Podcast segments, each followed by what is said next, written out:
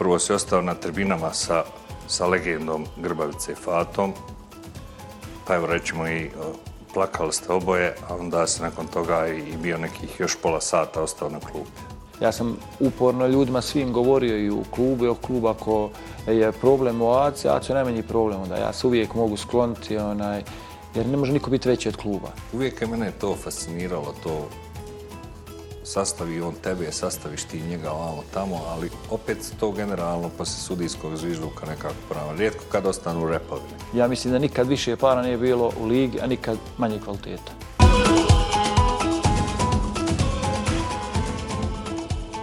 Poštovani gledalci, dobar dan, dobrodošli u treću epizodu podcasta Indirekt. E, nakon Husrefa Musemića i Milana Tegeltije, e, danas je moj gost kapiten železničara Aleksandar Kosorić. Aco, dobar dan, dobrodošao. Dobar dan i hvala na pozivu, Sanele. Evo, e, prije svega da pitam kako si, šta si, kako se osjećaš? Uh, kako se osjećam, to je jako, to je najteže pitanje, onaj, kako se osjećati pored ovakvih rezultata i ovakve situacije trenutno. Ona, ne može niko biti sretan ko voli želju, a pogotovo ko je učesnik i ko je dio toga svega. Ali nekako svi se nadamo nekim boljim danima. E, evo, bili smo svjedoci poslije, poslije utakmice protiv Veleža. E, prvo si ostao na tribinama sa, sa legendom Grbavice i Fatom. Pa evo rećemo i plakali ste oboje, a onda se nakon toga i bio nekih još pola sata ostao na klupi. A to je bilo nekako, svašta se nešto pomiješalo od rezultata, emocija do, pa eto, aj sad mogu već i otkriti da je to nekako bila moja posljednja utakmica koju sam ja igrao na, na Grbavice. To nisam igrao, sam bio učesnik tu utakmice jer sam odlučio definitivno da je ovo posljednja moja sezona što se tiče želje i premijer ligije. Tako da je to nekako sve se desilo slučajno. Mislim, nije slučajno moja odluka, ta moja odluka je već e, duže neko vrijeme, ja sam to odlučio, ali onaj taj susret sa Fatom, to je žena koja je svaki trening, e, svaku utakmicu, pa svaki moj korak na Grbavici, oko Grbavice je uvijek e, s osmijekom ispraćala, dolazila u zagrljaj, nekako posebne emocije sam imao prema toj ženi, još uvijek naravno imam i bila je želja i moja i njena da, da je poklonim dresa posljednje utakmice. Nekako ta scena je sigurno nešto što će mi ostati zapamćeno do, do kraja mog života. Da, ja sam, ja sam sad nekako tužan početak, iako ga nisam zamislio tako. E, znaš da sam prišao i vidio sam i u jednom momentu sam bio digao telefon da snimim to, ali nekako mi bilo malo bezvezno da vas snimam oboje suzama, stvarno je bilo emotivno. Pa bilo je emotivno, sigurno nekako i generalno sam po prirodi a, emocionalan čovjek, ali neke te stvari, ona, jednostavno, te neke emocije ne možeš sakriti i mislim da ne treba čovjek da krije. To su bile iskrene emocije i sa strane Fate i sa moje lične strane i samo nekako pomisao, pogledate sav taj ambijent, pogledate sve to, dosta utakmica, dosta uspona i padova, sve nekako ostaje mm, iza vas, ostaje, idete jednostavno u drugi neki život, sad, a kao da počinjemo novi život iz početka. E, sad ćemo morati malo pričati o ovome. E, prije par mjeseci smo razgovarali, rekao sam da, da, da naravno da razmišljaš o tome da dolazi vrijeme kraja, ali da ne želiš da to bude nikakva ni pompa, ni ne, ne, nekakva e, saopštenja, posljednje utakmice. Jednostavno se rekao kad dođe to vrijeme, znači sam i otiću. Šta je ono što je, ajde kažem, presudilo da to bude baš sad? Upravo tako, ljetos kad smo pričali u jednoj emisiji, ja sam spomenuo da ne želim da pravim od toga neki ni marketing, neku pompu, nešto da se priše o tome, jednostavno nekako u tešinice e, skloniti.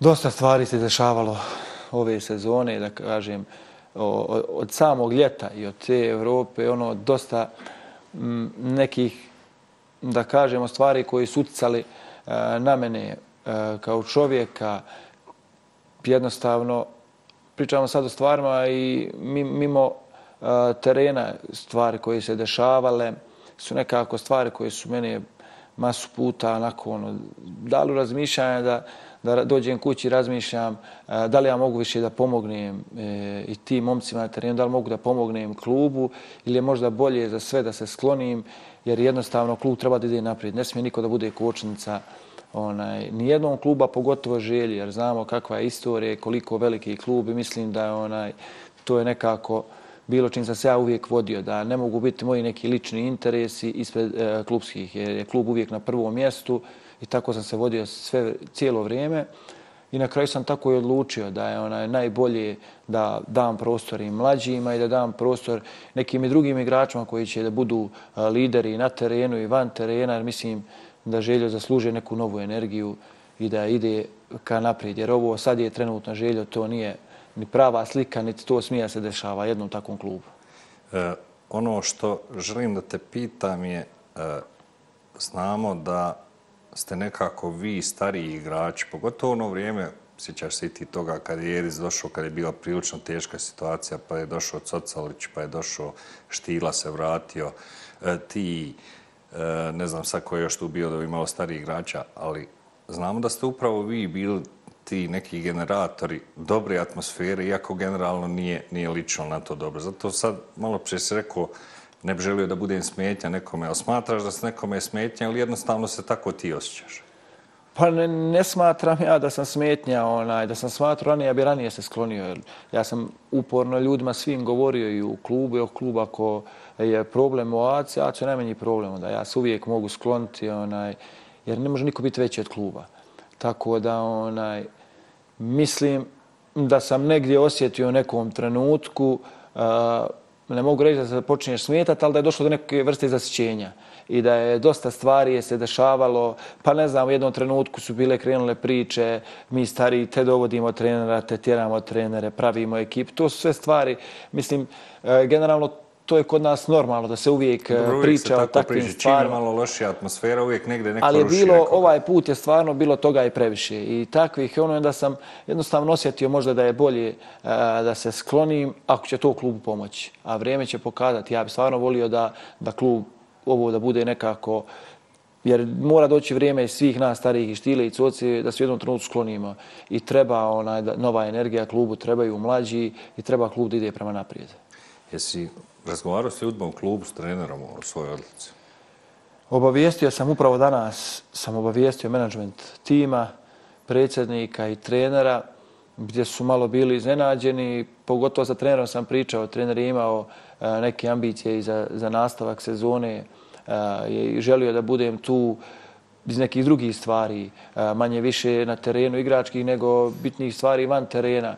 Ja sam stvarno rekao trener da je to neka odluka koju sam ja već ranije u svojoj glavi onaj, donio, tako da ona, ja ću mu biti na raspolaganju i ako neću biti u klubu, rekao sam mogu mu pomoći sve stvari i sutra oko nekih igrača, e, situacije, jer ipak smatram da dosta poznajem našu ligu, igrače iz naše lige i da mogu biti od neke pomoći sa strane. Možda ću čak više stvari pomoći sad sa strane nego dok sam bio unutra. Tako da ona, ja sam i dalje klubu na raspolaganju, ako neću biti član, ali ću da pomognem sve što bude u mojoj moći još je malo vruće, vjerovatno to nakon te odluke i toga. Šta ćeš raditi u životu? A šta ću raditi? Ja nekako je, nisam onaj razmišljao. Ajde, upisujem i tu A licencu. A, sigurno, malo sam pričao s nekim svojim drugovima koji su uključeni u rad Romanije Sapala, gdje onaj, sam sve u ovo vrijeme njima malo pomagao, sugersao neke stvari, to su mladi momci i onaj, vjerovatno ću njima da pomognem nekako mislim da, da mi je možda to je najbolje da, da, da pečem zanat nekog, da kažem i trenerski i, i, i ne znam, skauta, sportskog direktora kluba, jer m, treba se učiti na nekim manjim klubovima, to jest da kažem manjim u, u nižem rangu, pa onda doći u želju, jer ipak je željo institucija. Bilo bi suludno, tako je, bilo bi suludno da ja sad e, tu kažem, ajde u klub, hoću da ostanem, da budem u stručnom štabu ili nešto, mislim da sam ne zreo za te stvari. E, nekako, kad se sabiru svi tvoji angažmani, sedam godina se prilike proveo, proveo na Grbavici i prošao si, možemo slobodno reći sve, od fantastičnih nastupa u Europi, borbe za trofeje, koje nisi nikad osvojio. Nažalost, evo sad baš gledamo taj trofej. ne dobit ćeš ovaj kad ja. završi ovo, pa možeš Ja kažem, da li je ovo slučajno ili, ili namjero, ne, ne znam. Biće ovo je poklad. Pa Tako je, to je nekako, eto, da kažem, u karijeri mi je, pogotovo želja, ali generalno u karijeri mi je ona ostala ta jedna ostvarana želja, trofej sa željom. Jednostavno sam vjerovao da, da može doći do zadnjeg dana, ali nažalost nije mi se pružila prilika. I šta je tu je? E, kažem, došao si tu, bio si tu sedam godina u neka dva navrata i, i u jednom momentu si otišao pa se opet poslije vraćao, ali e, čini se nekako da, da bez obzira što, što odlaziš da će da se ostavi dubog trak. Jedan se od onih koji uvijek davo svoj maksimum na terenu, nikad nisi štedio sebe, nisi štedio ni svoje protivnike. On to dobro pamte. Jest, jest. On to dobro pamte.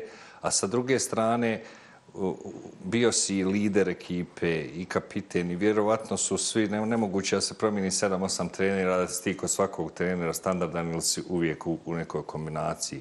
Ali sad kad pogledaš ti 7 godina, osim evo ovoga trofeja što si rekao, e, koji je neki glavni highlight? Šta je nešto što bi ti izdvojio kad, kad kažeš Aleksandar Kosorić i Željo, šta bi to bilo? Ja bih izborio Evropu koju uvijek spominjem protiv Ferenc Varoša, kad smo prolazili, to je nekako najljepša slika koja mi je ostala i to slavlje sa navijačima i pun stadion i to je stvarno nešto izdvojio bi derbije. Derbije je nešto posebno, ja kažem. To je za mene bilo buk uvijek borba za život ili smrt. Tako sam i doživljavao i to su nekako najljepše slike. A da kažem sad u tih sedam godina koliko sam igrača promijenio, Mm, pa ko zna par stotina sigurno, nekako generacijski e, najviše pamtim i to mi je najupečatljiviji e, dio želje je sa prve godine kad sam došao, kad je bio trener Admir Rađem, pa poslije pokojni Odović nas preuzeo, to je nekako bila takva atmosfera i generacija i mislim da željo treba tome ja teži. Gdje je u prvoj ekipi bilo sigurno jedno deset uh, svoje, e, svojih klinaca, da kažemo, jedno šest, sedam aktivnih juniora koji su bili i pritom još uh, sedam, osam igrača koji su iz željne škole. I to je željo. To treba da bude željo i to je nekako atmosfera koju dan dan spominjem. To je grupa koju mi nazivamo plava mašina, ono, malo ne više ljudi u gradu znaju za tu grupu. Ta grupa je od 2000, recimo, ja mislim, 14. godine i dan danas je aktivna i dan danas se mi svi međusobno čujemo i, i čak jednom godišnje se organizujemo da se negdje družimo. To je nešto prelijepo i stvarno je, to je željo i to me treba željo da teži.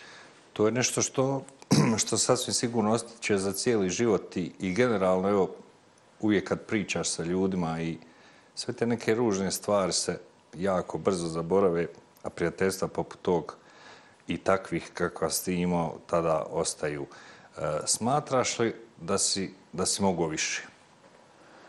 A sigurno sam mogao više.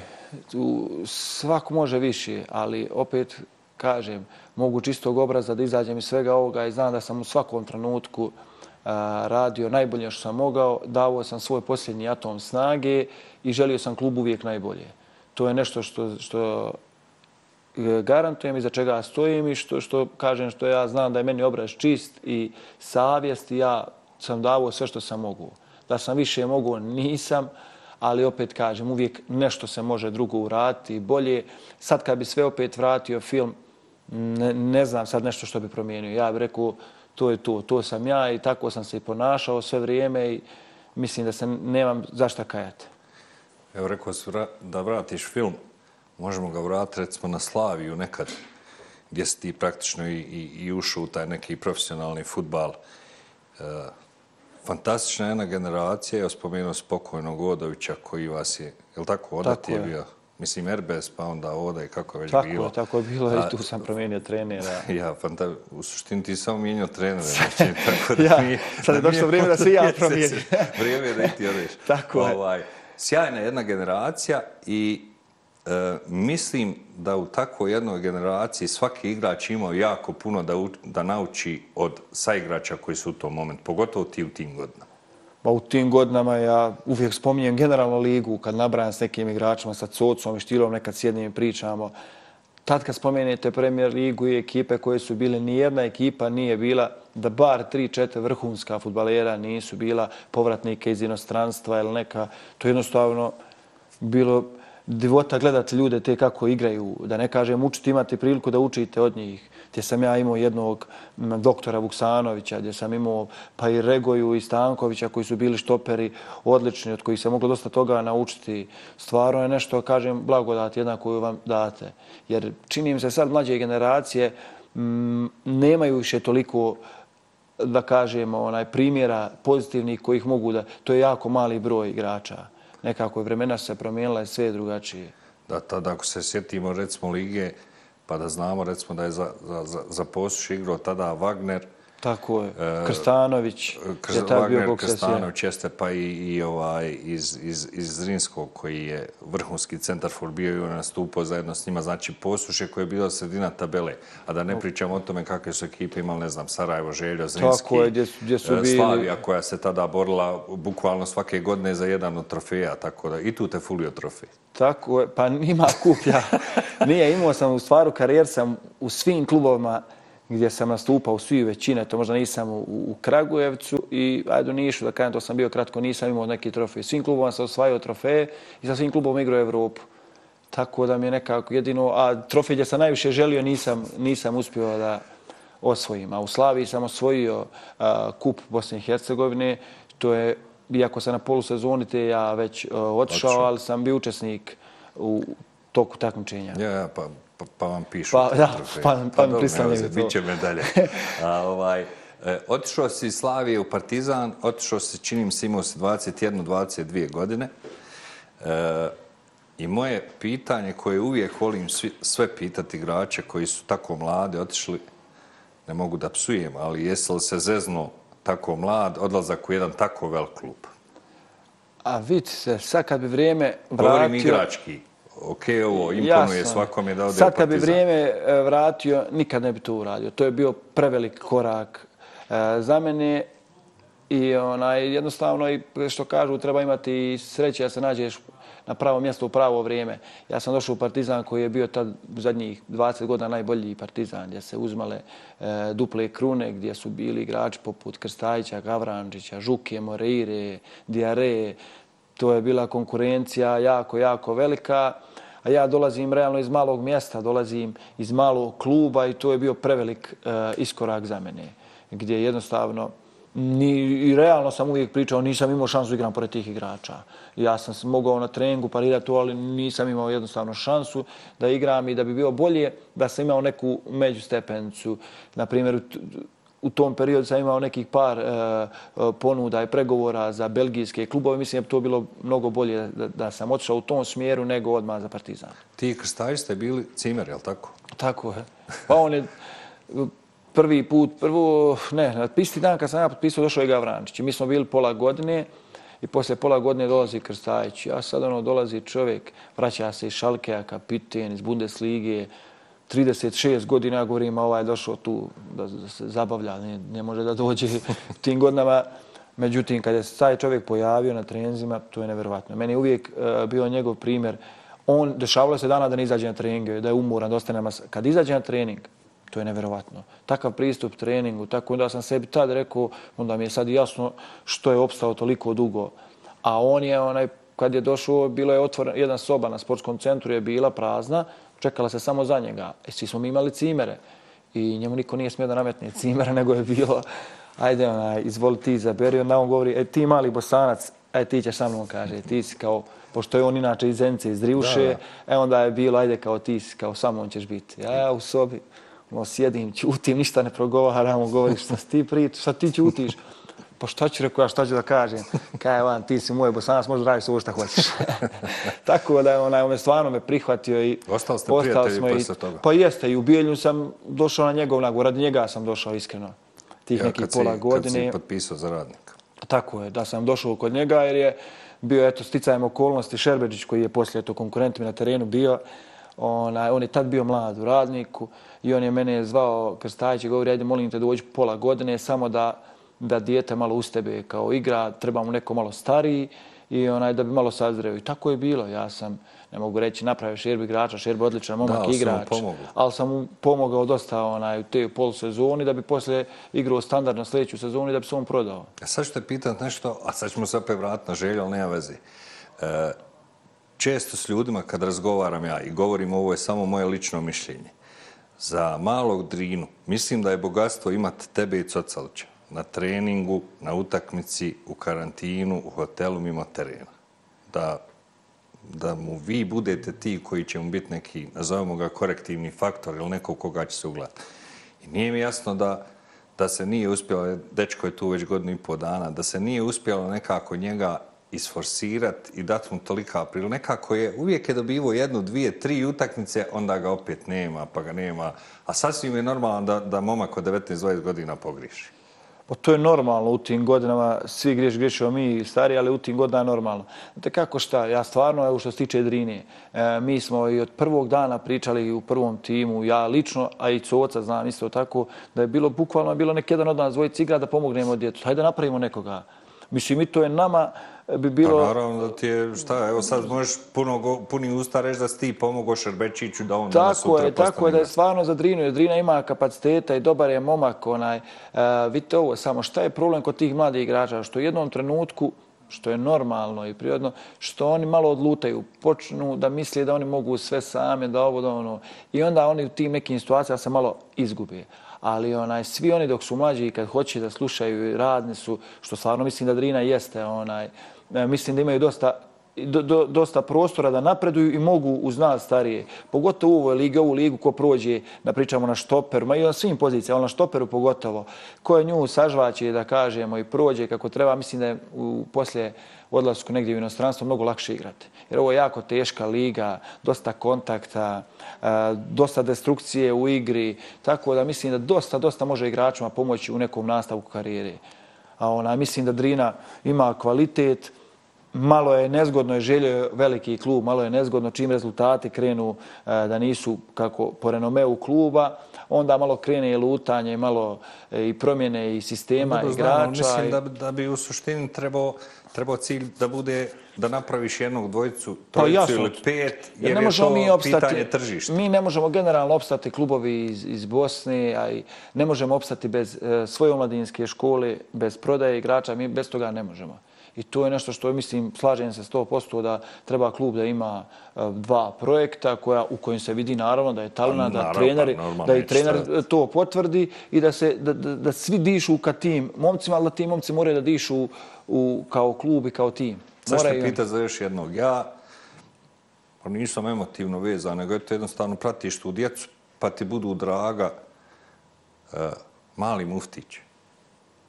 Toliko je dijete toga prošlo toliko puta se nekako sa tribina lome kola na njemu, a stvarno mislim da, da, da ima kvalitet, pogotovo ovaj u, u ovom nekom svom dobu i tome, e, tvoja saradnja s njim i generalno tvoje mišljenje o njemu. Ima sigurno bolji golmana. Možda, A, je, ima, mogo, ima, možda je mogo i Kepke doći u želju i normalno da bi Tako Muftić Tako je, ali slažem se. E, mufta je naše dijete, prva stvar. A, mufta je momak za deset e, koji radi, koji ćuti i mislim da onaj E, čak sam u jednom trenutku, za se ja, mislim u jednom trenutku se ne znam sad ko je bio što od golmana, da sam se onaj, iskreno s njim sigurno osjećao. Mislim, naravno, uvijek ljudi imaju, gledaju iz raznih perspektiva, da li je kod nekog šuta mogo bolje stati, da li je ovo, to je sve nešto kroz što se mora, to su, kažemo, dječje bolesti, kroz što se moraju proći da bi ti napravio e, stabilnog golmana i dobrog. Mislim da Mufta ima dosta potencijala i na kraju krajeva mislim da brani dobro. To je lično moje mišljenje, a onaj, bilo je tu nekih utakmica gdje je možda mogao bolje reagovati, gdje ne, ali mislim da ima dosta prostora da dijete hoće da uči što je najbitnije i da onaj da dobro brani. Evo sad, hvala Bogu, ima kontinuitet utakmica i recimo, sad neke stvari možemo progledati kroz prste e, šta se dešavalo u ovoj polzoni. Već sljedeće pol sezone te iste e, stvari ne bi smjelo. Pa jer on mora da napreduje. Grešku, tako, onda... tako da onaj, mislim da on ima dosta prostora još i, i treba da bude tu, ali treba klub da s njim dogovara da bude na duže staze. Jer znate kako, godinu dana je malo i klub te trpi godinu dana i taman kad sazriš da bi ti trebao klubu nešto donijeti, ti onda odeš. Kao što je bio slučaj sa Santosom, mislim, meni je momak drag i dobar je igrač, ali neke stvari se ne vraćaju u klubu tako. Klub je ipak iznad svih nas i klub nama mnogo da. I moramo i mi nešto tom klubu vratiti.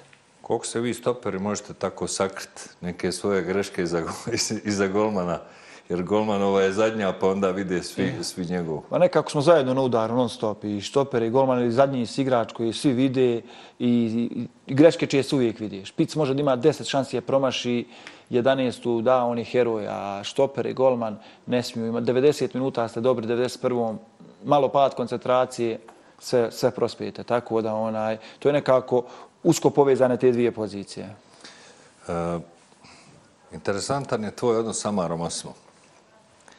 E, od prvog dana, odnosno od prvog trenutka, kako ti je rekao, imaš evo, minutu da razmisliš, ja. pa nekako do njegovog odlaska, pa vjerujem danas kad se vidite. Dobro su mi dan, danas, tako je. I, i onaj, kako je bilo za potpis ugovor? Amar je tu. Amar ima jako specifičan, vjerujte mi, šta sam gledao nekako, evo, ne znam sad, okrećem se nekom... Možeš na ti, ne moramo ja, folirati. Možemo i tako. To, to. A okrećem se sad nekim drugim stvarima u životu i u tom sportu i tako sad sagledavam sve uh, kako je, s kojim sam predsjednikom, trenerom, direktorom imao pregovore, kako gledam nekako naj, najbolje da uzmem od svih. I Amar je baš specifičan u, u tim pregovorima. Mislim da je to čovjek za pregovore neverovatan. I sa moje pregovore s njim kad su bili, kad smo došli, ja kažem, ajde malo razmislim, kaže, on, ajde, super, eto, imaš, tamo da ja popijem, ne znam, Sokić, imaš minut, razmisli, šta se razmisli, ono, ti tu nemaš, kod njega je bukvalno uzmi ili ostavi. I onaj, on je nako u glavi preinteligentna osoba, matematičar, on sve odmah slaže koliko ćeš ti minuta bi mogo, šta bi mogo donijeti, sve on to već zna, vidi i onaj, dosta, dosta stvari se dobrih može od njega naučiti i ja sam se trudio da uzmem i da naučim. Jesi naučio što?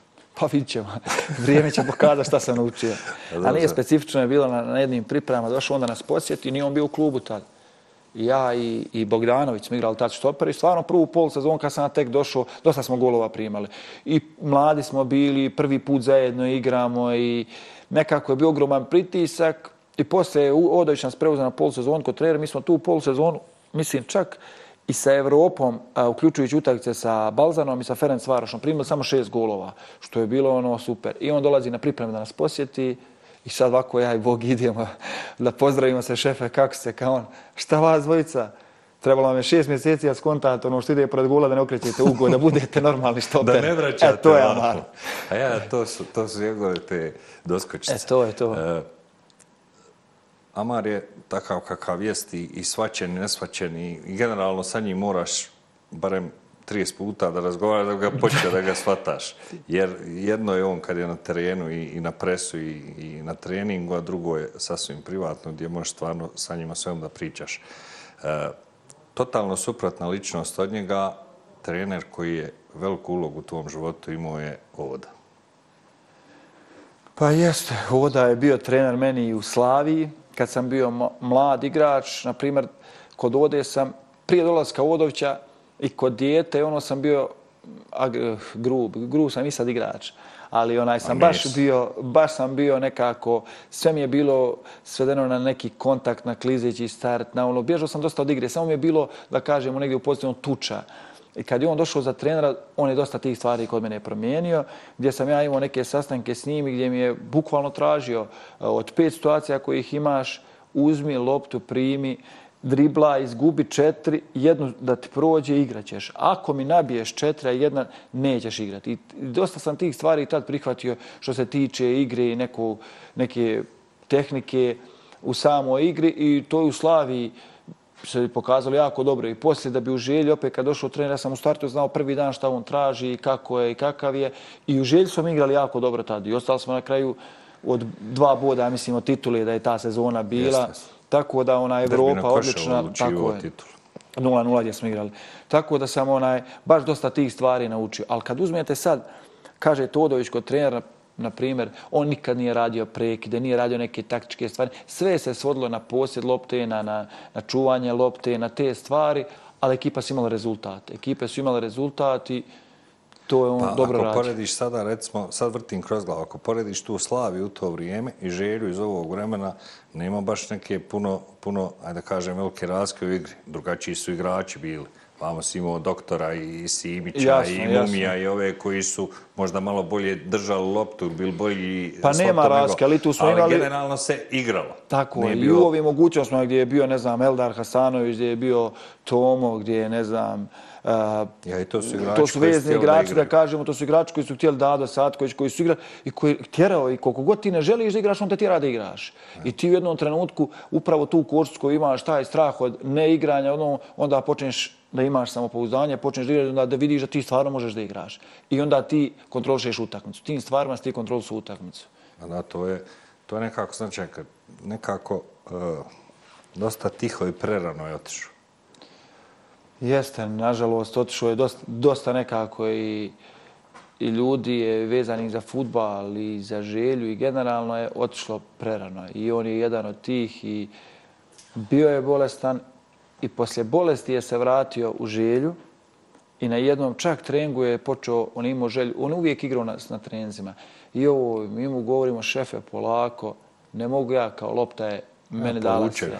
I on je jednostavno do zadnjeg dana svog života živio za tu loptu, živio je za želju, sigurno mogu to reći. Nažalost, nije više s nama. Ja, mislim, šta više reći, koju riječ upotrijebiti da onaj, pokažemo kakva je veličina, da ne pričamo o njegovim igračkim Ma da, e, on je on stvarno pripadao jednoj generaciji futbolera želje koja, je- koja je spisala istoriju, pa je onda i kod trener pisao i mislim da je i on i, i dosta ljudi ima koji su pisali istoriju sporta ovdje, a danas i se niko ili gotovo niko ne sjeća. I e- evo, tamo to ću da te pitam. E, koliko generalno misliš da, da današnje generacije, pa evo ne moraju biti generacije futbolera, generacije onih koji dolaze na tribine poštuju tu neku istoriju i te ljude? Pa mislim da je jako malo. Ali nekako i, i ne daje ni javnost e, pažnju tim ljudima. Ne spominju se oni koliko bi se trebali spomenuti. Možda bi jednom godišnje trebalo praviti nešto u, ime tih ljudi ili takve stvari. Da ne kažem što je mene, na primjer, igrači koji dolaze u klub, meni bi svi igrači morali znati istoriju kluba. Malo idemo sad u neke druge stvari, morao bi mi znati istoriju. Ako dođeš već za želju da igraš, morao bi mi znati neku istoriju, morao bi znati ne- ko su nek- neki... ili- ne- nešto znati. Jer to je nešto uh, gdje ako imaš imalo karaktera, imalo svijesti, probudi u tebi da ti imaš neku odgovornost. Jer ja sam prošle, ja mislim, godine ko Edis je bio trener, počinjali smo mi pripreme i bio je organizovan turnir gdje smo igrali e, legende želje, prvi tim, manijaci i futsal kao porodca jedna. I igrali su, mi smo prvo igrali sad, ne znam da li smo igrali protiv uh, manijaka i u sljedeća utakmica su igrali uh, mali futbal željo protiv legendi, to jeste veterana. I sad vi vidite u jednom trenutku se tu pojavi, e, dođe jedan Buki, dođe jedan, e, ne znam, bio je Nijaz Brković, bio je Žerić, bio sve ti neka imena i znako sjediš na tribini, ja govorim ljudi, e ovo je, mene je sramota u tom trenutku nositi dres, sramota, mislim, nos, kad vidiš kakve su veličine nosile dres. A oni su isto tako, verovatno u nekom trenutku bili, kao ja za njih, tako su oni bili za generacije Da, oni su gledali 70-ih, vjerovatno te tako je. Tako da onaj, mislim da bi upravo svi morali znati istoriju, znati ljude te kad se pojave, kad dođu da gledaju utakmicu, kad dođu e, na trening, kad dođu postoje klub, morali bi znati jer bi onda imali malo odgovornosti prema tom dresu i prema grbu i znali bi u suštini koju veličinu taj klub nosi sam sa sobom. Pa, ja sam često znao pristupovat onaj situacijama gdje ne znam, evo, jednom sam bio ne, ne, neki je prijem u Sarajevu bio gdje su stajali, ne znam, Predrag Pašić, Mehmed Janjoš, Husref Musemić, nešto su interno se zezali, Senad Verdanović. I u neka doba su iza Ćoška pojavili Mirsa Fazlagić i, i, i, i Muzur i ne znam ko je bio. Još generacija. Nema, kako on stoje mirno. Mislim, ja gledam sebe, pitanje je bili ja, znaš, tako nekako staje. Ali sam vidio da oni stoje mirno i čekaju i ovi kako im pruže ruke, oni njima i nema tu priče dok oni ne ispričaju stariji Jasno, ti svoje. jasno. ovo. I to je recimo nešto što bi, što bi ja volio da, da, da, da danas gledamo tome, ali pitanje. E, generalno si imao e, dobar odnos sa svim trenerima, i imao si dobar odnos sa svim malte ne gostujućim trenerima. Evo, često se viđamo po, po, po utakmicama, terenima i tome i znam kakve odnose imaš sa drugim ekipama i tim. Osim sa jednim trenerom, e, Čurgu ste nazvao indijancem.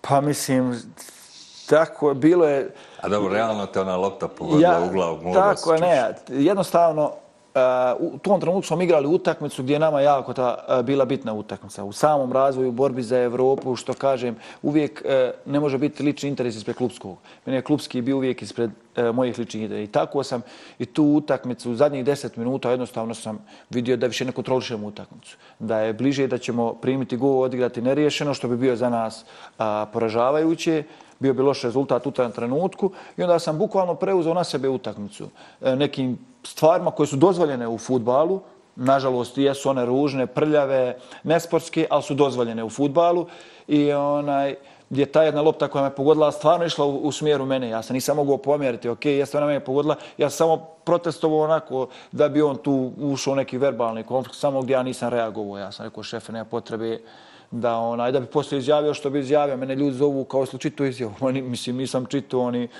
Ja sam dobio što sam tražio, ja sam dobio tri boda, ja sam pobjedio, nisam uvrijedio ne, nekog protivničkog igrača da sam nešto uradio tako.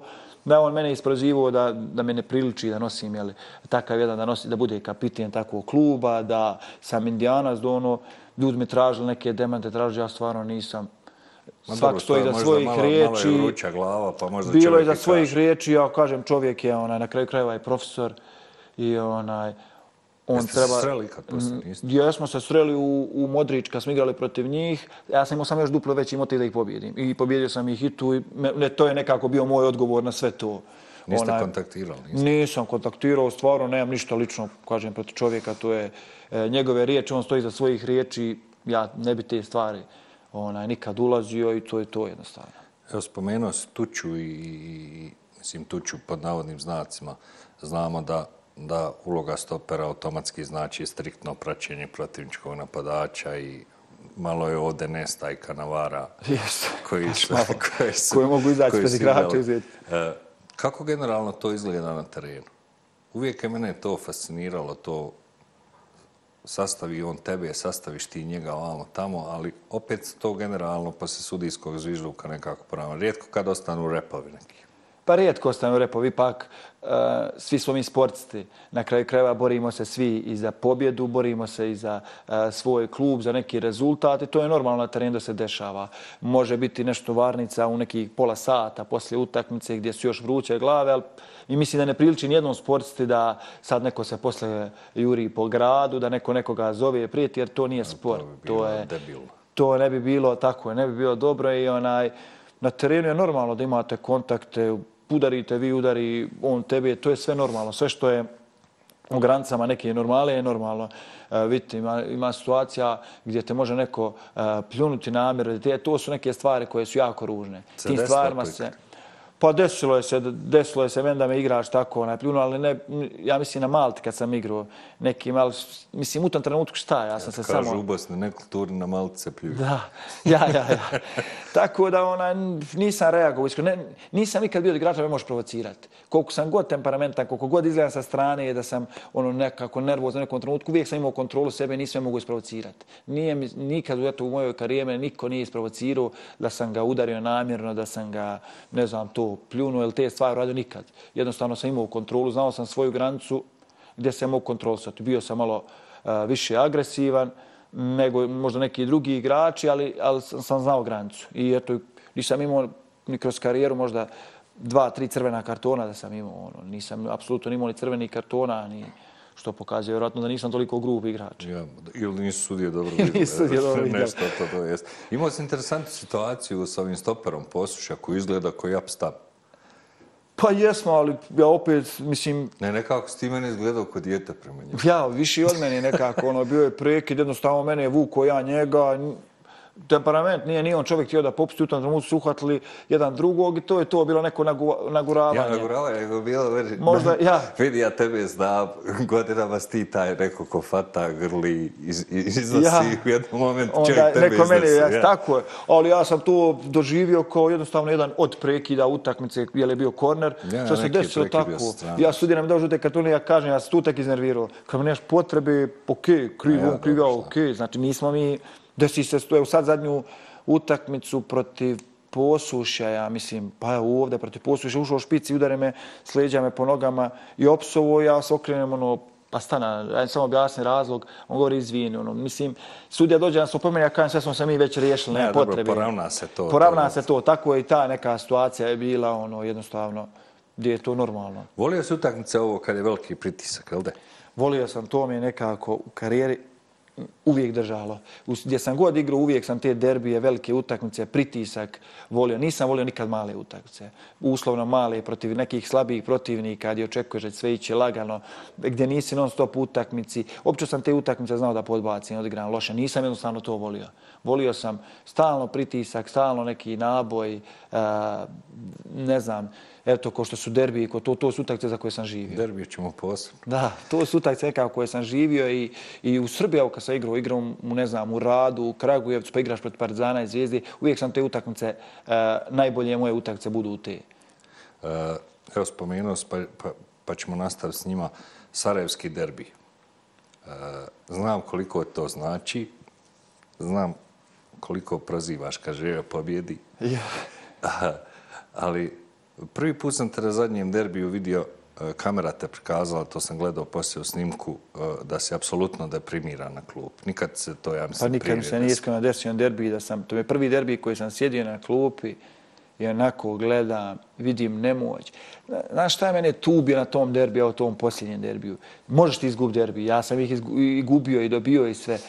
Ali da, da, da izgubiš derbija, da ne pokažeš reakciju, kao što mi nismo pokazali u tom trenutku, to je nešto što, ono, gdje, gdje me ubije, gdje kaže da primirate, totalno me zakucalo, znači da propu u crnu zemlju zbog prvi te put sam te vidio, znači prvi put sam, sva što je ova polusezona? Sva što je ova polusezona? Prvi put sam te vidio to da se pokrivaš po glavi, da ti je muka što si, što si na klupi, evo vidio sam i suze ovo ono, ali hoću da kažem, uh, možda baš to pokazuje tu tvoju želju i tu emociju i tu, tu potrebu da se na terenu i da igraš i da, da ne gubiš. Jeste, pogotovo ja sam i poslije tog imao razgovor malo sa šefom, tad je Nermin bio šef pričali i ja sam iskreno rekao u tom trenutku. Moje mišljenje je da je moralo s nekih par igrača da igra derbi koji su sjedili na klupi, jer derbi je specifična utakmica. Derbi moraš osjetiti, moraš živiti tu utakmicu. Ozbiljna glava. Ne možeš drugačije. A mislim, iako Sarajevo ima kvalitetnu ekipu, mislim da derbi, da smo malo drugačije izašli da, da ne bi izgubili derbi. Ja sam, ja sam gostovo tu mislim, kod Marijana Mihajlovića prije i nešto ono bilo široki brijeg, želio pobjedio, bila skoro spomenuo. I ja sam iskren da ti budem očekivao ovu tešku artiljeriju. E, pa tebe, tebe e, Cocu, Kosorića, Štilća, ono igrače koji znaju i mislio sam oko njih da će okupiti, ali onda kad sam vidio sastav, bilo mi jako čudno da je izabran prilično onako laganu ekipu. Pa je upravo tako. Ja sam isto bio nekog mišljenja gdje sam ja iznio svoje mišljenje treneru, ja sam mu rekao kad smo pričali, jer jednostavno sam, nije mi, ja sam svim ovim trenerima posljednje vrijeme, kako si stariji, normalno, prelaziš govorio, daj da pomognem stvari što mogu, ne moram ja igrati, ja bio na tribini na klupe, ono, meni je bitan rezultat da mi napravimo. Tako je taj derbi, mislim da, da smo morali malo drugačije igrati i, i da bi sigurno drugačije bilo, jer derbi se samo dobija na srce. Što sam ja uvijek govorio, kažu Edis, Edis je dobar u derbima, ali Edis ima srce za derbi. Možda za druge utakmice nema, a za te utakmice ima. I, i mišljenja sam da ni jedan stranac ne može od trenera da derbi da donese svojoj ekipi kao što može domaći. I tako sam isto mišljenja uz dužno poštovanje. Čovjek radi odličan posao, a, trener Sarajeva. Ja mislim u toj utakmici da je svi on prvi put susreo da nije imao pravu sliku šta može derbi da bude. I tako, su, tako se i Sarajevo ponašalo, a mi smo išli u neku igru koja... Vi se niste ponašali. Mi se nismo ponašali, bukvalno tako. Uh, generalno derbi, taj, taj, taj osjećaj, taj izlazak na teren, taj pljesak tvojih navijača, zviždug protivničkih, kompletna atmosfera. Ma nešto nestvarno, nešto što ne možete kupiti, što kažu novcem, nešto samo možete doživiti. I onaj, derbi se mora spremati u glavi baš, baš kao posebna neka utakmica. Jer prva stvar moraš znati šta znači za tvoj klub. Druga stvar što znači tvojim navijačima. A, treća sama, jer na derbima se postaje heroj. Neće niko da dolazi da gleda neke utakmice uslovno manje. Sva hoće derbi. Jer tu se pokazuju pravi karakteri, tu se pokazuju pravi igrači. Na derbiju pobjediš od nas miran dva, tri kola, šta god da napraviš. Pa ja, jeste. Jeste tako, ali onaj derbi baš moraš onaj, da doživiš, da imaš nešto to u srcu za derbi I, onaj, a to mogu većinom, mislim, mogu i igrači sa strane, ali to većinom domaći igrači osjete, nose i prenose na druge sa igrače. I onaj, samo tako može derbi igrati. Često sam te gledao na terenu, kad pobjeđuješ, to je uvijek dobro. Ali kad odigraš malo lošije, pa prozivaju nekog igrača, onda ta igrač, što je sasvim normalno i ljudski, nekad odreaguje na te prozivke s tribina. Često sam te gledao u situacijama kad uzmeš tog nekoga, zaštitiš ga, odvedeš ga u slačioncu ili smiriš tog nekoga iz publike. Pa nekako smatrao sam da i to jedno od mojih obaveza kao kapitena, kao nekog lidera i to, a s druge strane opet ti ljudi svi kupli kartu, ti ljudi imaju pravo da ispolje svoje emocije. Jer koliko god vi unutra volili, koliko god vama isto rezultat znači, lično meni kao igraču, vjerujem da ljudima na tribini više znači. Jer ti ljudi ne mogu da utiču na to. I onaj, oni dosta stvari se odreknu, e, dosta nekih e, da kažemo, materijalni stvari su dali klubu na, na neki svoj vid pomoći koji su oni mogli i on dođe tu utakmicu da gleda i tebe gleda ako nekog heroja koji on i ti sad ako njega razočaraš, njemu se srušio svijet. I mislim da ti ljudi imaju pravo da reaguju u nekim situacijama i te glave kad se ohlade, oni su tada budu pa ja, dobro, opet drugo. E sad je u tom, u, u tom trenutku treba ostati uh, priseban, treba kontrolisati svoju emociju, jer ipak ti predstavljaš nešto, ti si javna ličnost i tako se moraš ponašati u svakom trenutku. Si ti doživio nekada neko onako lično tebi kod tebe prijeti? Pa nisam nikad. Ne mislim prijeti, u smislu prijeti šta tako ima prijeti, nego te psovke, to pa što pa nisam, mene... mislim, bude psovke, ali nekako a, toliko sam utakci kod centra sam da ne čujem okolo. Kad me neko pita, meni su jednostavno samo kad su neke pauze ili neko povređeno, e tek tad kao da te neko ono otvori malo i tek tek čuješ ljude okolo. Do tog trenutka ti nemaš, čuješ samo neku buku i to je to, ti si na teren. I onaj, vjerovatno ih je bilo i bude što je normalno, ali nisam nikad reagovao, nisu me nikad mogle pogoditi da me sad nešto obeshrabi i da me ubije, nego u meni su još takve stvari izazivale, e, još većina da ja sad pokažem da nisi u pravu. E, tako sam se nekako vodio. Manijaci.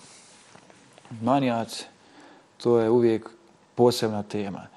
To su onaj, ljudi nevjerovatni šta su radili za klub ovih zadnjih par godina na kraju krajeva. Uspjeli su i da održe klub kada je najteže bilo od proslava od 100 godina do podrške kući na strani. To je, ne, to je nešto za, za svaki respekt i za svaku pohvalu, stvarno.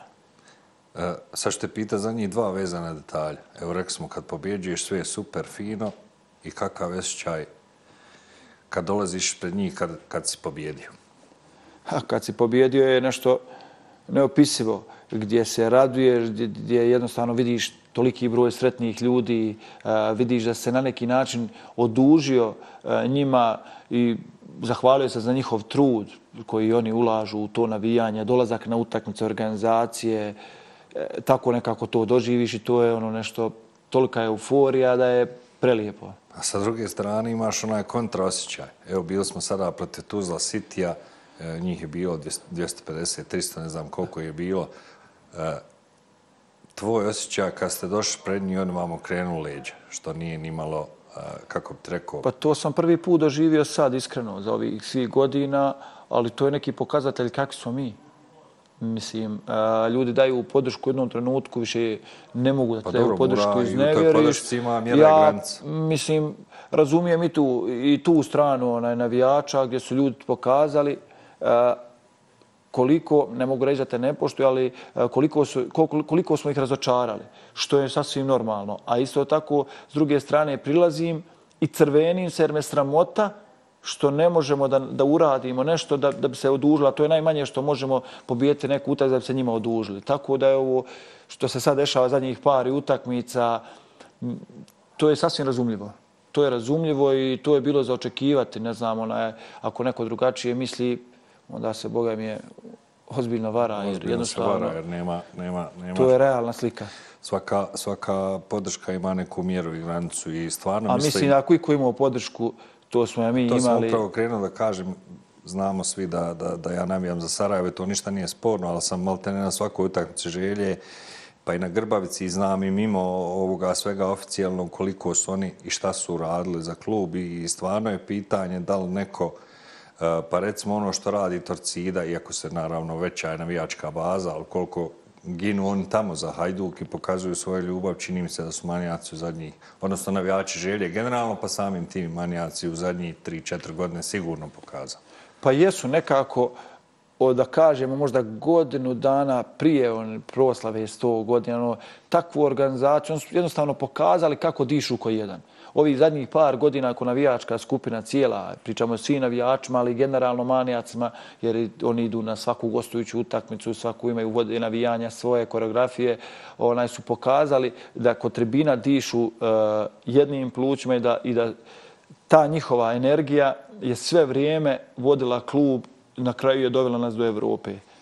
Jedino što, što generalno nekad taj tajming bakljada men generalno nije iš, mislim i kod svih, neko samo kod navijača želje, nego desilo se par puta, Sarajevo, ne znam, gubio 1-0, stiće, stiće, onda zvekne se 10-12, bakli utakmice se prekine, padne pritisak, padne sve ovo. Ono, recimo, tom nije, ali, bože moj, to se vjerovatno to je, no, mislim, ne možeš to nikad kontrolisati. Minute, tako da je jako to ne možeš nikad kontrolisati, ali desi se nekim situacijama gdje gdje, gdje si ti u naletu, nekom je da se desi pauza, da, gdje restartuješ protivnika, ali ima i s druge strane, kad tebi je loše, pa tebi onda valja. Dobro, to je... Tako da je... U prošloj sezoni je par utakmica bilo gdje, gdje Želju baš nije išlo, pa je skočio isto, ko ono je nekako izguro to sve na, na, na kraju na, na, na mlin onaj Želje. Stana. Pa jeste, cije, prošle godine cijele stvarno posjeta je bila za svaku pohvalu gdje su ljudi, znači imali smo ozbiljan prosjek svake domaće utakmice gdje je ta nekako energija i jednostavno ta energija se prenese i na klub, na ljude koji vode klub i automatski na ekipu i sva ta pozitivna energija onda ide i pozitivnom rezultatu. Evo, nekako sve odlazimo pa se vraćamo na želju.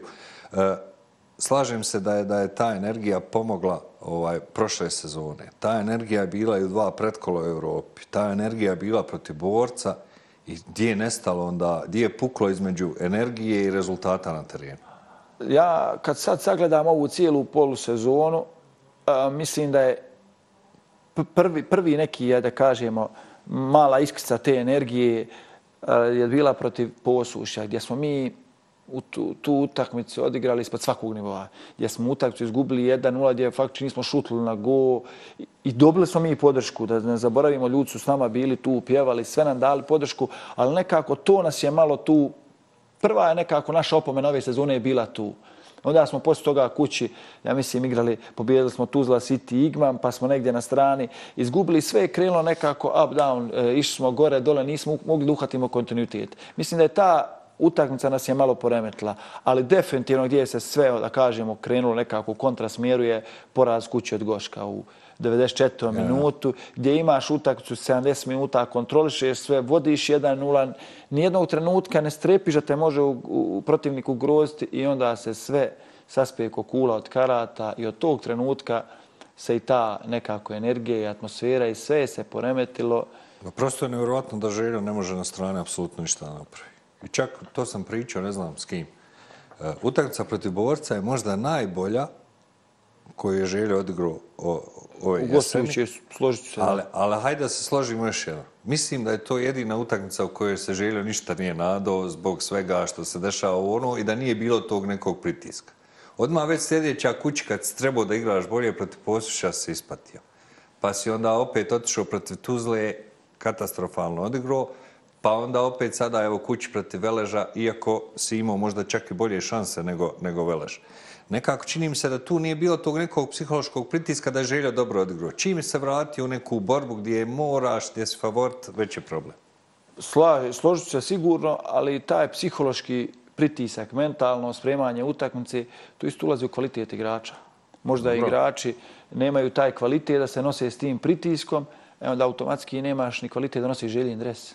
Ja to gledao s te strane i ja, ja. mislim moje lično mišljenje je takvo da ima možda nekih igrača koji ne mogu da prihvate te stvari jer činjenica da smo mi igrali Evropu gdje smo bili da kažeš otpisani, igrali smo je odlično, gdje si krenuo prvenstvo gdje si krenuo isto. Čim je malo krenuo pritisak, malo borbe i neki rezultata, krenuli su i slabije. Pa ja, ali imao si pritisak čitavo tamo neku, neku, neko proljeće i to, pa malo te ne imao si onaj dio e, do Jedcove, e, do Jedcovog odlaska, pa dolazak baš će ovo. Stalno si ti, konstantno si bio u nekom pritisku borbe za tu Evropu, jer znamo koliko je znača Evropa u financijskom smislu. Ali smo mi, zaboravljali, smo mi promijenili Da.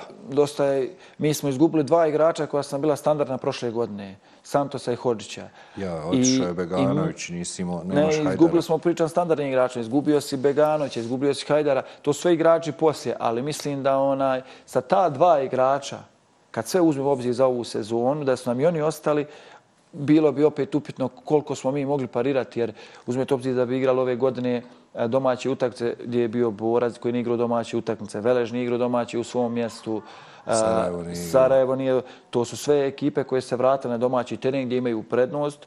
Onda uzmemo obzir da su se te sve ekipe dobro pojačale. E, gdje su se dobro pojačale, a gdje ti si izgubio standardne igrače i zamjene koje si doveo nisu bile adekvatne.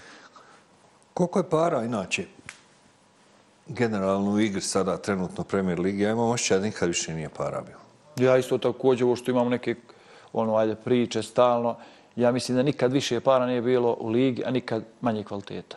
To je nekako moje mišljenje i da je nevjerovatno kakvi budžeti imaju klubovi i kakve se pare plaćaju. Ja sam evo igrač, još uvijek sam onaj, da kažem, eto, igrač, vodiš se, ali mislim da onaj, ne zaslužio mi velike ugovore, ne mislim, i nije činjenica, činjenica je da Željo ne može dovodi sad više igrače kao nekad, zato što nemamo taj više budžet. I imamo jedan od, da kažeš, budžeta srednjih ili manjih i ne možemo da pariramo nekim tim velikim budžetima, a onaj, mislim da igrači ne zaslužuju toliko para. U našoj ligi, na naš kvalitet, mislim da su to pretplaćeni igrači. Pričao sam sa predsjednikom Borca i pitao sam ga vrlo jasno. Borac, Zrinski, Sarajevo, mislim da imaju tri najveća budžeta neko spominje sada da i Velež ima prilično, iako su oni imali problem neodlaska u Evropu, ali evo da. vidim da se...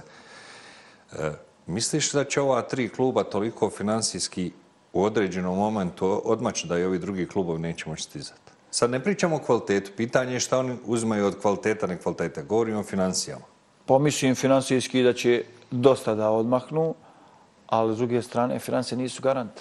Ne, financije nisu garant ničega, to znamo, mislim da je, da je po, Ja, u sportu, ja, ali mislim... mislim da su dosta već odmakli, pa kad uzmete u obzir da Sarajevo je privatni klub, kad uzmemo u obzir da, da onaj Zrinski, Zrinski igre ove godine Evropu napravi ozbiljan iskorak u Evropi sa financijama, gdje borac ima ozbiljne financije, mislim da će biti jako teško uh, parirati njima što se tiče budžeta. Da, jako je. Uh, ali s druge strane pitanje koliko će se isplatiti tolika ulaganje, koliko oni mogu opstati sa tolikim budžetima. Da, pitanje, pitanje povrata para uvijek i to, to, to se svi pita. Evo sad ne znam, ajde Zinski je sada napravio taj, taj, iskorak u Evropi. Taj iskorak u Evropi, ali do, do iskoraka u Evropi dug je put, tako da mislim nakon 20 nešto godina pojavi se ekipa koja igra tamo.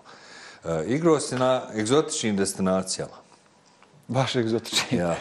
Malta, Latvija i Irak. I Irak.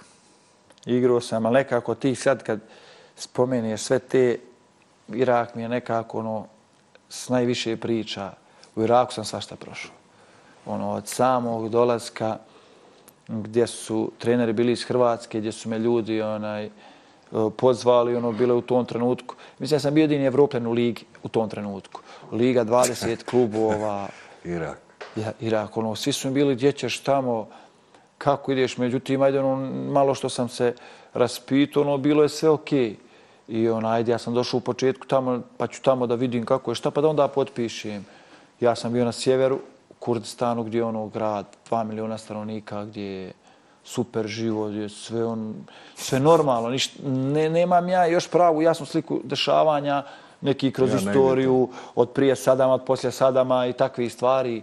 Onaj, I stvarno, klub uređen, financije su bile, dobro, financije su bile presutne u tom trenutku da, da se ode gdje dođemo ekipu koja se bori za titulu, koja igra AFC Cup, smo igrali ta, to je kao recimo rang Lige Evrope. Ja, Azijska, ja, ja. I onaj, sve to nekako mene privuklo da tu dođem.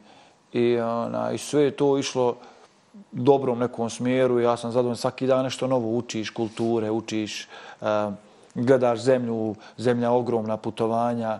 Dok, na primjer, prva, prva moja gostujuća utakmica derbi se igrao, igrali smo protiv kluba koji je policijski klub iz Bagdada. I to je moj prvi odlazak u Bagdad. Ti onaj, dolaziš u Bagdad u tom trenutku, nemaš ti još ništa jasno, ono, sve to mirno, sve to fino, to je ogroman grad, živi sve. Dolazim na utakmicu, mi dolazimo sat i po prije, pun stadion, 30.000 ljudi, ništa mene nije jasno. Izlazimo na teren da vidimo, to je divlje, ne možeš se vratiti u slačioncu. To gađaju cipelama, papučama, vodom. Ja se govorim šta je ovo, gdje smo došli. Sad ja više ne razmišljam, ja govorim im trenerima, ko će odavde živ izaći, gdje smo došli.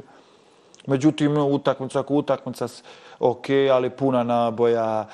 Jer nekako tamo sam igrao u klubu koji je klub iz Kurdistana gdje su Kurdi poznati u svijetu kao narod kakav jesu. I onaj, oni su sebi faktički odvajaju od, od, od cijelog Iraka, oni su kao Kurdistan, neće da kažu iz Iraka. A igraš od 20 ekipa, 12 je 10 iz Bagdada. Lijepo. Non stop u Bagdadu tu kad dođeš, to je tolika tenzija, tolika mržnja da ja to nikad nigdje doživio nisam. Treba skupljati popući. To ja mogu. To je svaka utakmica, naboj. Mi tu utakmicu, mi smo centar prešli pobjedimo 1-0, 1 prekid. I ja kontam, ajde, to je to. Da je sve se završili smo utakmicu, radujemo se mi, ulazimo u slačioncu, dva i pol sata u slačioncu sjedim, nema šanse da izađeš na stadion. I to ne mogu da isprazne stadion. A, čekaju to. To je nemoguće. Znači, nema i nekako se ispraznili stadion, to je vojska, to je policija, to je... Krećemo mi da izlazimo sa stadiona busom, jednom trenutku samo što smo izašli u van stadiona, blokada totalna kad je to krenulo da kamenuje autobus, da a ja rekao šta je ovo, gdje sam došao. Kažu pritisak u BiH. Je tad sam prvi put vidio koliko je to mržnje i tek sam onda poslije malo uzeo da, da čitam, da vidim šta je to toliko, da ih razdvaja, jer to je jedan narod. To sam onaj... I nekako bilo je to sve mene zanimljivo u početku do, onaj, do negdje pred kraj, onda sam svašta vidio. Tamo sam vidio i onda sam mi objasnio malo te auto, bombe i ovo dosta. I malo je već situacija po Bagdadu nije bila bezbjedna. Gdje sam ja na kraju ono, odlučio da neću ostajati. Iako su ljudi želeli da produžim ugovor, a s tim treneri su meni otišli možda treće, četvrto kolo, ja sam ostao. Gdje sam ja u jednom trenutku htio da idem, gdje sam isto imao na jednom gostovanju, ne, onako ne, neugodnost dođeš gdje nemaš, vidiš da nisi bezbjedan. Ali onaj, gdje meni su ljudi uredno rekli ti možeš da ideš, sve pare vratiš što si do sad dobio i ti imaš ugovor, ti si tu pogotovo stranac. I onda sam tako i odradio taj ugovor, ali ima čekao dosta stvari. S tim da u Kurdistanu je stvarno ostao u prelijepom sjećanju. Taj Kurdistan je, kažem, ti ljudi s kojima sam sarađivo, to su jedni od boljih i poštenih ljudi s kojima sam radio. Gdje onaj, sam imao eto i čast da su me ljudi vodili ti saigrač, koliko smo bili eto, da gotivili, vodili smo i svojim kućama. Čak na kraju sam, su me upoznavali sa majkama, ženima što je kod njih, ono, to je ja, posljednji ja. stadijum poštovanja, da te upozna i da onaj, tad sam on osjetio stvarno to koliko su oni mene volili, koliko su... I dan danas imam kontakte s nekim momcima i stvarno kad im je poslije krenulo malo kod njih neki problem, ja sam im se pondio ako želi da dođu da onaj se sklone, ja bi im obezbijedio tu, tako da onaj, jer su to stvarno korektni ljudi bili maksimalno i kaže, na primjer, završio sam ugovor, nešto sam htio ranije avionsku kartu kući da idem, klub nije stigao da mi plati. Ja sam platio kartu i predsjednik mi je rekao, ok, poslaćemo ti mi pare. Mislim, ja sam već bio kakve pare, to ja sam nju platio. Da bi poslije mjesec dana mene zove, ima liko tu preko ambasada, preko koga da ti pošaljem kao pare za kartu. Ono. To mi je ono, pokazalo da su stvarno ljudi prepošteni bili. Evo, polako bližimo se kraju prije asocijacije. Imam jedno pitanje. ŠBB, KBB. E, drugo krolo proljeća je, mislim da je gost na Grbavci Zrinski. Prvo je Zrinski, drugo se ide Široki, pa dolazi iz Sarajeva. E, dobro. Znači, prva utakmica je Zrinski, Grbavica, gdje sjedi Aleksandar Kosorić na sjeću na zapadu, sigurno to je sa Fatom, će vjerovatno da gledamo na utakmicu. Nekako najviše volim kad se sklonim sa strane i da to pogledam, gledam na mir, da nema okolo ljudi, da me zapitkuju šta ovo, šta onako, nego da onaj, damo podršku, nadam se će klub a, sad da će biti ozbiljnih rezova u ekipi i da će se klub složiti, jer mislim da je ovo svi alarmi posljednji upaljeni za za klub da mora da se onaj složi mnogo bolje za proljeće i da, da gledamo skroz neki drugi želja. E, evo, ne znam jesi gledao možda asocijacija, ja ti kažem jednog čovjeka ili jedan pojam, ti men kažeš prvo što te asocira na to. E, Tifina Grbavca. Himna, izlazak na teren. Stadion Grbavca. Manijaci. Amar Osim. Želja. Ed Smulalić. Energija, derbi. Admir Rađev. Škola željna. E, Partizan. Krstajić. Derbi sa Sarajevom. Život. Slavija. Doktor Vuksanović. Pale. Romanija. Moji prvi koraci. Manijaci. Ustati i spomenuti. Premier Liga BiH. Titula. Neostvarena. Neostvarena. Biće trofej, vjerujem. Trofej je tu, tako da onaj... Aco, ja prije svega, kao nekome koga smatram prijateljem, želim puno sreće. Nadam se da ćeš ostvariti svoje buduće zamisli, siguran sam u to. E, znam da si friško oženjen, malo dijete, želim vam svima puno sreće i hvala što si bio moj gost. Hvala tebi puno i bilo mi zadovoljstvo stvarno i prijatno da pričamo o nekoj opuštenoj atmosferi. Poštovani gledalci, e, bilo je to treće izdanje podcasta Indirekt. Vidimo se naredne nedelje sa novim gostom.